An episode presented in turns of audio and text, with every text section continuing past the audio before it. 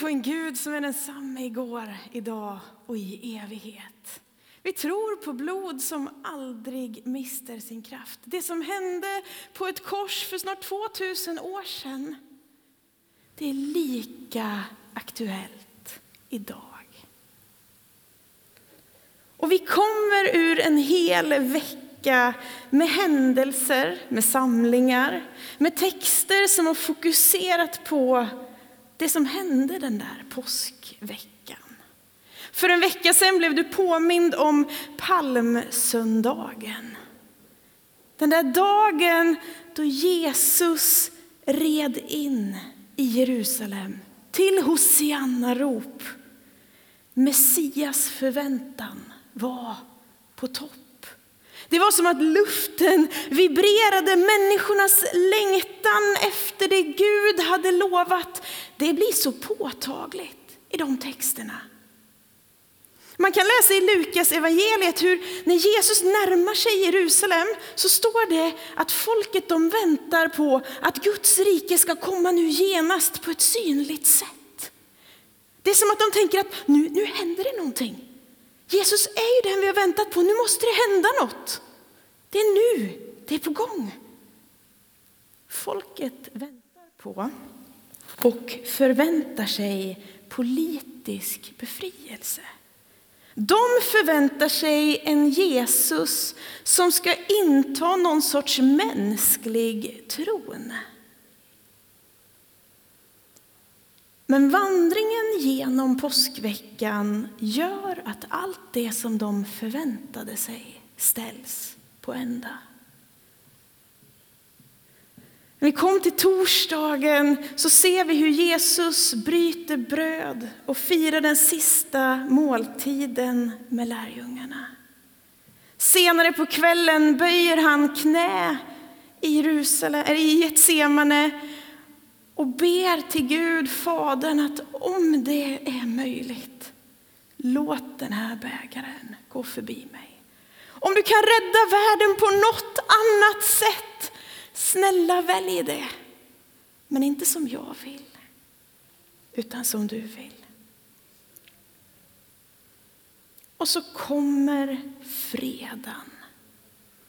Den där förunderliga dagen den långfredagen som inte är som någon annan långfredag i historien. Den dag då mörkrets makter tränger på. Den dag då folkets ledare verkar vara riktigt rädda för att tappa makten. Den dag då ett obarmhärtigt hat riktas mot Jesus, en fullständigt oskyldig man. Jesus blir slagen, piskad, hånad, uppspikad på ett kors. Man tänkte sig kanske att det skulle bli ett avskräckande exempel. Våldet och hatet tycks triumfera. I tre timmar läggs himlen i mörker. Och något av det sista som Jesus säger när han hänger där på korset är Min Gud, min Gud, varför har du övergett mig? Och jag tänker att de lärjungarna som fanns där lite på håll, de står inte framme vid korset, men på något sätt så följer de ju ändå det som händer. Jag tänker att det är som att någonting dör tillsammans med Jesus. Av deras hopp, av deras förväntan, av deras längtan. Det var inte det här vi hade tänkt. Det var inte så här det skulle bli. Det var inte så här vi tänkte i söndags när han red in och alla ropade Hosianna. Vad händer nu?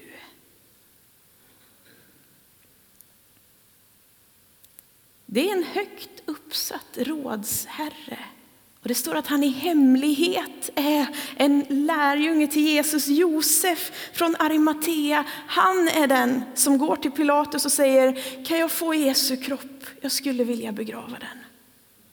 Lärjungarna, de ser vi inte röken av där. Lördagen kommer, sabbatsdagen, vilodagen. Och jag funderar på, undra vad lärjungarna sa till varandra då. Undra om de sa något överhuvudtaget. Om de bara satt där, handfallna och funderade på vad gör vi nu? Inget blev som vi hade tänkt. Och till sist så kommer söndagen. Det står att kvinnorna går upp tidigt i gryningen, alltså när solen går upp, då går de upp. Kvinnorna som har varit där vid graven. Kvinnorna som satt utanför när Josef begraver Jesus, de var med vid korset. Och när solen går upp på den första veckodagen, på söndagen, på påskdagen, då står det att de har förberett. De ska gå och hedra Jesus. Och vi ska vandra lite grann igenom påskdagen tillsammans idag och stanna upp vid ett par tankar. Och vi börjar med kvinnorna. I Markus 16 kapitel, vers 2-4. Där står det så här. Mycket tidigt, den första veckodagen, kom de till graven när solen gick upp. De sa till varandra, vem ska rulla bort stenen från gravöppningen åt oss? Men när de lyfte blicken fick de se att stenen var bortrullad. Den var mycket stor. Här har vi kvinnorna på väg till Jesu grav. De hade följt Jesus de senaste dagarna. De var i närheten av korset. De sitter vid graven när Josef begraver Jesus och så har de förberett sina oljor. De går för att smörja kroppen. Ett stort problem verkar de ju ha. Vem ska rulla bort stenen åt oss? De vet att det finns en stor sten som täcker ingången till graven. Och det är som att de vet att de inte klarar av att flytta på den själva. Ändå går de. Ändå går kvinnorna dit. Det är som att deras längtan för dem till graven, trots att det finns helt uppenbara hinder som de inte riktigt ser lösningen på. De har ingen aning om ifall de ens kommer kunna komma in till Jesus. Men de går ändå. Det de längtar efter, det räcker. Det räcker. Och när de lyfter blicken så ser de att stenen är bortrullad. Och jag tänker att stenen inte rullades bort för att Jesus behövde komma ut. Alltså vi ser senare hur Jesus har en uppståndelsekropp. Jenny läste om hur Jesus försvinner inför Emmausvandrarnas ögon. Vi ser hur Jesus kliver in genom låsta dörrar. Jesus behövde ingen bortrullad sten. Har du tänkt på det? Jag tror att stenen rullades bort så att människorna kunde komma in. Det är en vacker tanke. Gud rullar undan stenen för att människorna ska komma in. Och så ska vi fortsätta att läsa ifrån Lukas om vad som händer när de kommer fram. I Lukas 24, vers 3-11 står det De gick in, men fann inte Herren Jesu kropp. När de inte visste vad de skulle tro, då stod plötsligt två män i skinande kläder framför dem. Kvinnorna blev rädda och böjde ansiktet mot marken, men männen sa varför söker ni den levande bland de döda? Han är inte här. Han har uppstått. Kom ihåg vad han sa till er medan han fortfarande var i Galileen. Människosonen måste utlämnas i syndares händer och bli korsfäst och uppstå på tredje dagen. Då kom de ihåg hans ord. Och de återvände från graven och berättade allt detta för de elva och för alla de andra. Det var Maria Magdalena, Johanna och Maria Jakobs mor. Även de andra kvinnorna som var med de talade om det för apostlarna, men de tyckte att deras ord var tomt prat och trodde inte på dem. Kvinnorna kommer fram kliver in i graven och finner den tom. Två män i skinande kläder, två änglar möter dem och på något sätt så inser de ju att det är Gud som har gjort entré här. De blir rädda, de böjer ansiktena mot marken och männen säger Varför söker ni den levande bland de döda? Han är inte här, han har uppstått. Jesus lever. Alltså vilken deklaration! Jag börjar fundera på, men är det deras hängivenhet och trofasthet som gör att det är de som får vara med om detta? Om de inte hade laddat för att smörja Jesu kropp, hade det varit de då som fick se den tomma graven? Jag vet inte. Men det var kvinnorna som var de första som fick veta vad som hade hänt. Och här tänker jag att vi behöver ha med oss lite historisk kontext. För på den här tiden så räknades en kvinnas vittnesmål inte ens i en rättegång. Alltså en kvinna fick inte vittna om vad hon hade sett. Hon räknades inte som trovärdig. Och Gud väljer ändå att visa sig för dem. Att uppenbara sig för dem, att leverera budskapet till lärjungarna via kvinnorna. Maria Magdalena är också för övrigt den första som får möta den uppståndne Jesus. Alltså Jesus är oväntad på många vis. Kanske att lärjungarna är så inkrökta kulturellt att det är därför de inte tror kvinnorna när de kommer. Lukas skriver att de tar deras ord för tomt prat. Och jag gissar att om jag hade varit en av de här kvinnorna, då hade jag nog inte gett mig. Alltså jag ser framför mig hur, hur de bara, men hallå skärp er killar! Änglarna berättade ju vad Jesus har sagt. Det gick ihop. Ni har ju missat någonting. Vi har sett det. Kom igen! Men hade, alltså, det är inte så här, ah, sorry, ni vill inte tro på mig, då går jag min väg igen. Alltså, någonstans så tänker jag att det de har varit med om, det blir så stort att de bara, de ger sig inte.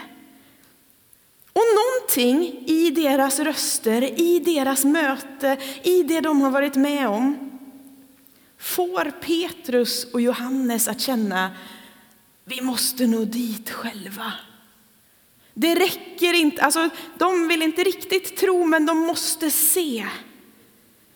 Det står att de springer till graven. Jag tänker att de på något sätt inte vågar tro och samtidigt så vill de tro och så bara, vi, vi, vi kutar dit. Och den här skildringen tänker jag att vi ska läsa från Johannes själv. Som i den här texten kallar sig för den andre lärjungen. Vi läser ifrån Johannes kapitel 20, vers 3 till 10. Då rusade Petrus och den andra lärjungen ut mot graven. Båda sprang på samma gång, men den ene lärjungen sprang fortare än Petrus och kom fram först till graven. Han lutade sig in och såg linnebindlarna ligga där, men han gick inte in. Strax efter honom kom Simon Petrus. Han gick in i graven och såg också linnebindlarna ligga där. Och duken som hade täckt huvudet, den låg inte tillsammans med bindlarna, utan hopvikt på ett ställe för sig. Då gick även den andra lärjungen in, han som hade kommit fram till graven först, och såg och trodde.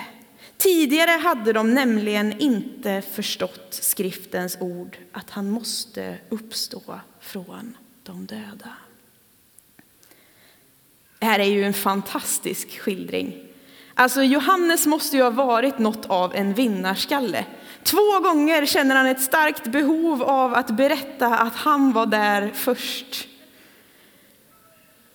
Han målar bilden av hur han kommer fram först då, ställer sig i gravens öppning, lutar sig in och tittar på det här. Det är som att någonting stannar upp i Johannes. Det väcks någon typ av reflektion. Han ser linnebindlarna. Och så kommer Petrus, förmodligen betydligt långsammare, men Petrus är inte den som är den, han bara dundrar in. Han är alltid först på bollen. Killen som gör först tänker sen, det ser vi genom evangelierna även här. Han tänker liksom inte, du Johannes han står här i gravöppningen, jag ska nog stanna till och ta mig en titt. Utan han liksom in och tar in vad som händer. Han ser också linnebindlarna. Och Johannes han skriver det här på ett sätt som får oss att tro att den duk som man brukade ha över ansiktet på den döde, den ligger ihopvikt för sig. Och så ligger linderna som man lindade in kroppen i kvar där kroppen hade legat. De ligger liksom på olika sätt. Huvudduken är hopvikt Betyder det, alltså jag målar ju bilden framför mig, att de där bindlarna de ser efter Jesu kropp, jag ser framför mig hur det är som att någon bara knäppt med fingrarna och så ligger linnebindlarna kvar, men kroppen är borta. Alltså någonting av att det är som att det borde vara en kropp där, men den är inte där. Det ser jag framför mig. Varför skulle han annars skriva som han gör? Och efter att Petrus dundrat in, Johannes har tagit in scenariot, så går även han in i den tomma graven. Och det står att han såg och han trodde. Tidigare har han inte förstått, men nu händer någonting i Johannes. Alltså jag kan ju riktigt se framför mig hur Johannes många år senare sitter för att skriva ner sitt evangelium. Och hur han när han sitter där och skriver de här raderna drar sig till minnes hur det var här som tron på uppståndelsen verkligen landade. Det var där, när han klev in i den tomma graven, när han såg linderna som låg och han bara inser att allt det Jesus har sagt, det stämmer ju. Det var i den tomma graven som han fick den insikten. Kanske att han sitter och reflekterar över alla de tidigare tillfällen då Jesus talat om sin död och uppståndelse. Hur han i efterhand ser hur det blir så tydligt. Kanske att han drar sig till minnes de rader som han själv redan har skrivit. Om det Jesus sa i Betania när han väckte upp den döde Lazarus. I Johannes 11 och 25 så säger Jesus så här.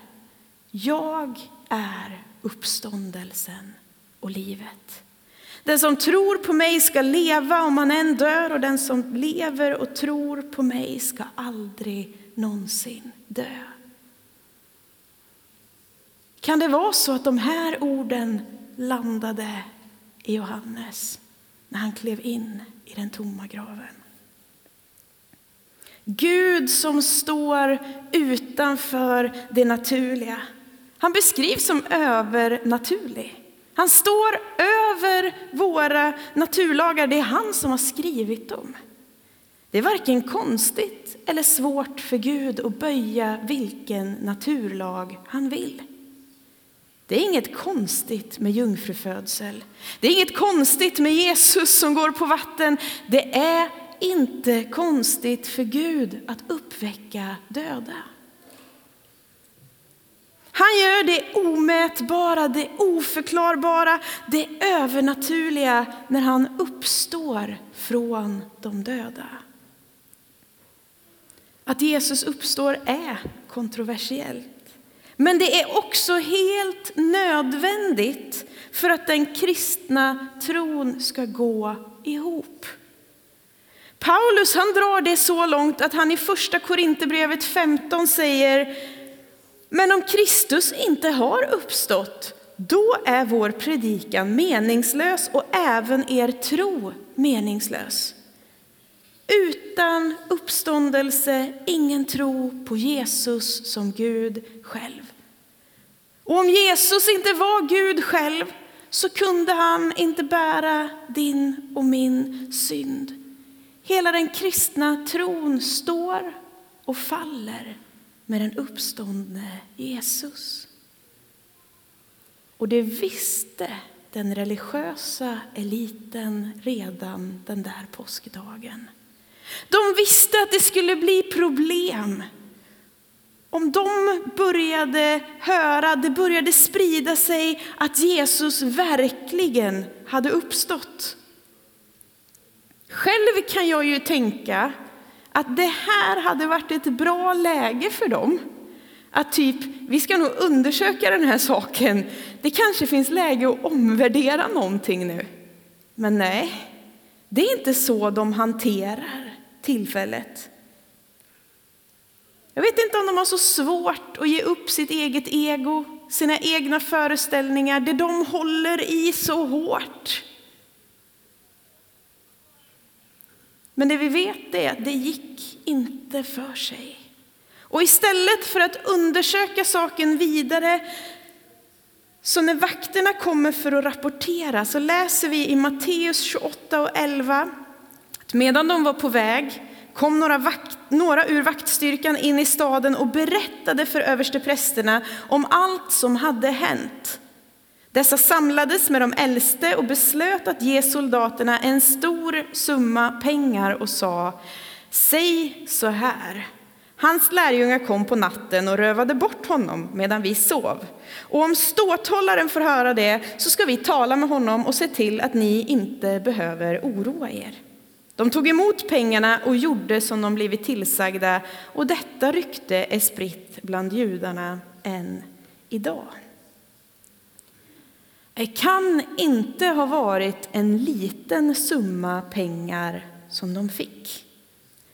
För det första var det dödsstraff att som romersk soldat somna på sin vaktpost.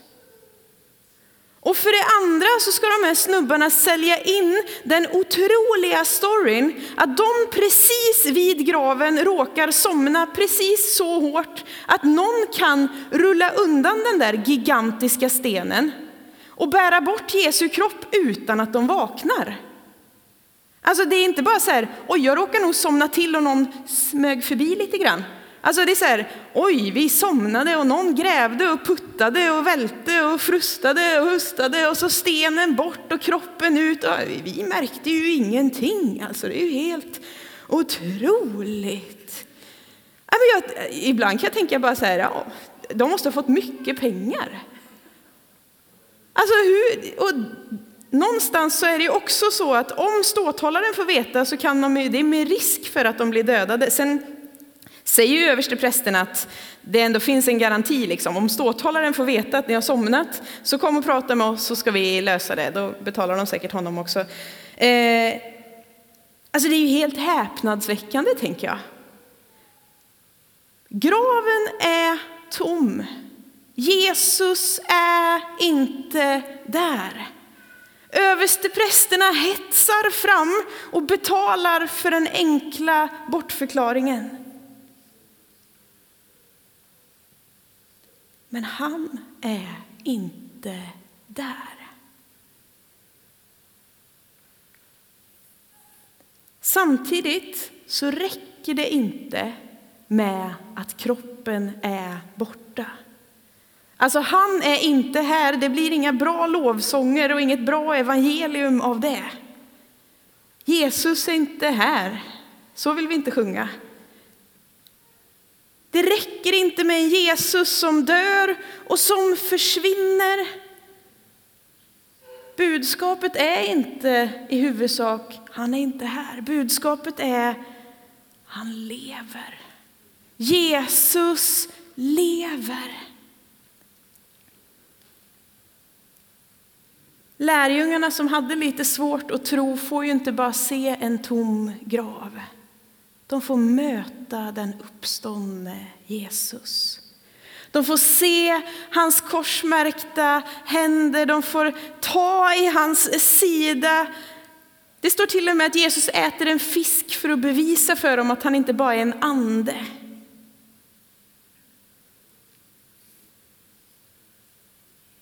De förkrossade lärjungarna.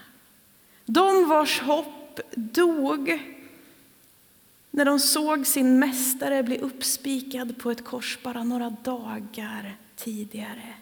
De lärjungar som väntat sig en politisk befrielse, de lärjungarna får möta en levande Jesus. En levande Jesus som vänder upp och ner på deras liv fullständigt.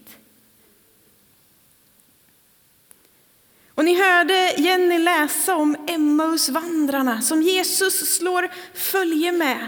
Två nedslagna människor som vandrar bort ifrån händelsernas centrum. Och så kliver Jesus in. Han vandrar med. Innan de ens har fattat att det är Jesus så är han ju där. Mitt i deras tvivel, mitt i deras mörker, mitt i allt det som verkar vara ett dött hopp, så går Jesus med. Och han pekar på ordet. Jesus säger det är jag som uppfyller allt det där som är skrivet. Och när de kommer till Emmaus så är det den kna, knasiga grejen med att Jesus verkar vilja gå vidare, står det i min bibel. Det är som att Jesus inte vill tränga sig på. Han stövlar inte in, han forcerar inte fram någonting. Han bara vandrar med och det är som att han verkar vilja gå vidare. Det är inte så att han bara stövlar på och går bort. Men det är inte heller så att han säger grabbar, det är jag som är Jesus, nu ska jag minsann. Eh, utan han väntar på att de säger, men du, kom, kom, kom, var med oss, ät med oss. Och så är det när Jesus bryter brödet som det står att de känner igen honom. Jag vet inte, men jag tänker att när han sitter där och bryter upp brödet så tänker jag att det kanske är de korsmärkta händerna som gör att han ger sig till känna. Kanske när han räcker fram brödet och säger varsågod ta och ät så bara ser de, det är ju Jesus. Hur kunde vi missa det? Det är ju han. Han är här. Och sen försvinner han ju och Jesus har redan visat sig för Maria Magdalena. För henne räcker det med att Jesus säger hennes namn. Han säger Maria. Och hon bara, Mästare. Någonting av Jesu röst, någonting av mötet med Jesus, någonting av hur han känner henne personligt är så vackert. Emmausvandrarna som blir eld och lågor. Jag tänker de vandrar, jag vet inte om man ska kalla dem för vandrare. De vandrar åt ett håll. Jag tänker att de springer tillbaka till Jerusalem. Till lärjungarna. Och där när de kommer fram och de vill berätta, vi har mött Jesus, vi har sett honom, han har visat sig för oss. Då har ju dessutom Petrus också hunnit se Jesus. Så när de kommer fram så tänker jag så här, undrar om det ens hörs vad det är som har hänt. Vi måste berätta någonting. Nej, men ni får vara tysta. Vi har någonting jätteviktigt att berätta. Petrus måste få se. Nej, Petrus, strunt i Petrus. Vi, vi har, alltså förstår ni? Det stora och mitt i det tumultet så står det att Jesus står där mitt ibland dem. Han är här. Han hälsar dem med sin frid. Han visar sina händer. Han förklarar än en gång för lärjungarna hur allt går ihop. Och jag tänker att evangelium landar. Mötet med levande Jesus är det som får evangelium att landa. Vi ser hur en grupp nedslagna lärjungar blir en samling apostlar som är villiga att dö för tron på uppståndelsen. Vet, människor är inte villiga att dö för vad som helst. Hade de varit lite halvsäkra på att Jesus var uppstånden, då hade de aldrig levt de liv som de sen levde. De levde liv där de blev hånade, slagna. De fick dö för sin tro. De fick dö för sin bekännelse och jag tänker bara det säger mig att Jesus, han är uppstånden.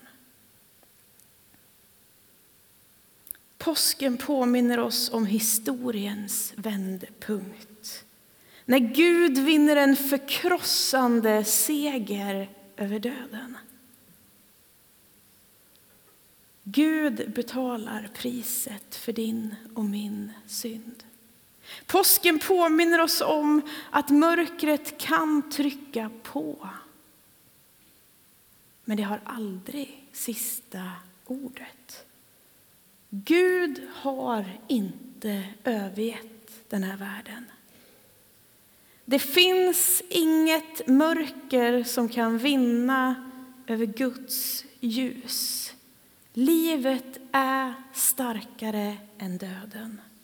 Kärleken triumferar över hatet. Gud har alltid sista ordet. Det är goda nyheter. Goda nyheter brukar översättas som evangelium. Och vi ska landa med att läsa Romarbrevet 1, vers 3-4. Där står det evangeliet handlar om hans son som till sin mänskliga natur är född av Davids ett och som genom helighetens ande med kraft har bevisats vara Guds son efter uppståndelsen från de döda. Jesus Kristus, vår Herre. Wow! Jesus lever. Graven är tom. Vi tror på en seger över död. Vi tror på uppståndelse från de döda. Vi tror på ett liv och en evighet i Guds närhet. Och vi tror att Gud ger oss detta som en gåva. För att han älskar så högt så ger han sitt liv. Han lämnar dig med valet att bjuda in. Han är där. Du kanske inte har fattat att han är där, som Emmausvandrarna, men han går med. Han finns där i närheten. Och om du väljer att säga Jesus, om du finns, välkommen in i mitt liv. Då tror vi att han vill kliva på. Vi tror att det räcker med den längtan som du har. Precis som det gjorde för kvinnorna den där morgonen. Hindren verkade vara så stora. Men deras längtan, den räckte. Jag vet inte vad du har ställt upp för hinder i vägen för Gud att nå ditt hjärta, men vet du vad? Om du längtar så räcker det. Det räcker. Du behöver inte rulla bort några hinder. Gud är en mästare på att rulla undan sten. Idag är en alldeles perfekt dag att bjuda in Jesus att komma nära. Och om du inte har gjort det tidigare, om det är första gången, då kan du få bli frälst, säger Bibeln. Första gången man bjuder in Jesus i sitt liv, då flyttar han in. Gud är bara en enkel bön bort. Oavsett om du sitter här i lokalen eller om du är med oss via webben idag så kan du bara be den här enkla bönen. Jesus välkommen in i mitt liv. Jag tror att du dog och uppstod för mig. Förlåt mig. Jag vill vandra med dig. Om du ber en sån bön eller något liknande, då blir du frälst. Och vi ska gå in i en stund här nu av lovsång och förbön. Och du som har varit med oss via webben idag, till dig vill jag bara säga tack. Vi kommer att avrunda webbsändningen nu. Du är varmt välkommen att höra av dig till oss. Våra kontaktuppgifter finns på hemsidan. Vi möter dig gärna vidare där. Men tack för att du har varit med.